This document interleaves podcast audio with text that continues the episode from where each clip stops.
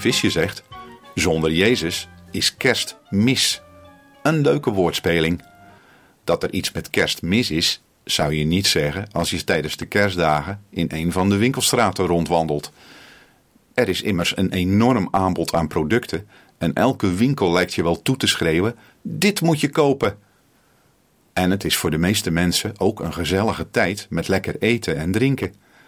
Jezus lijkt daar geen deel van uit te maken. We hebben hem er als het ware uitgeschreven.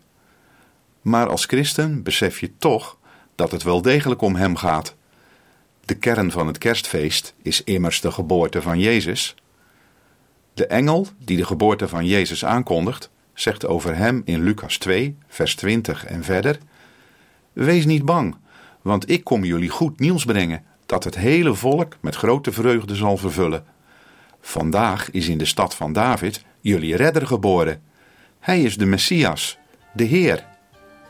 Ja, zonder Jezus is kerst mis.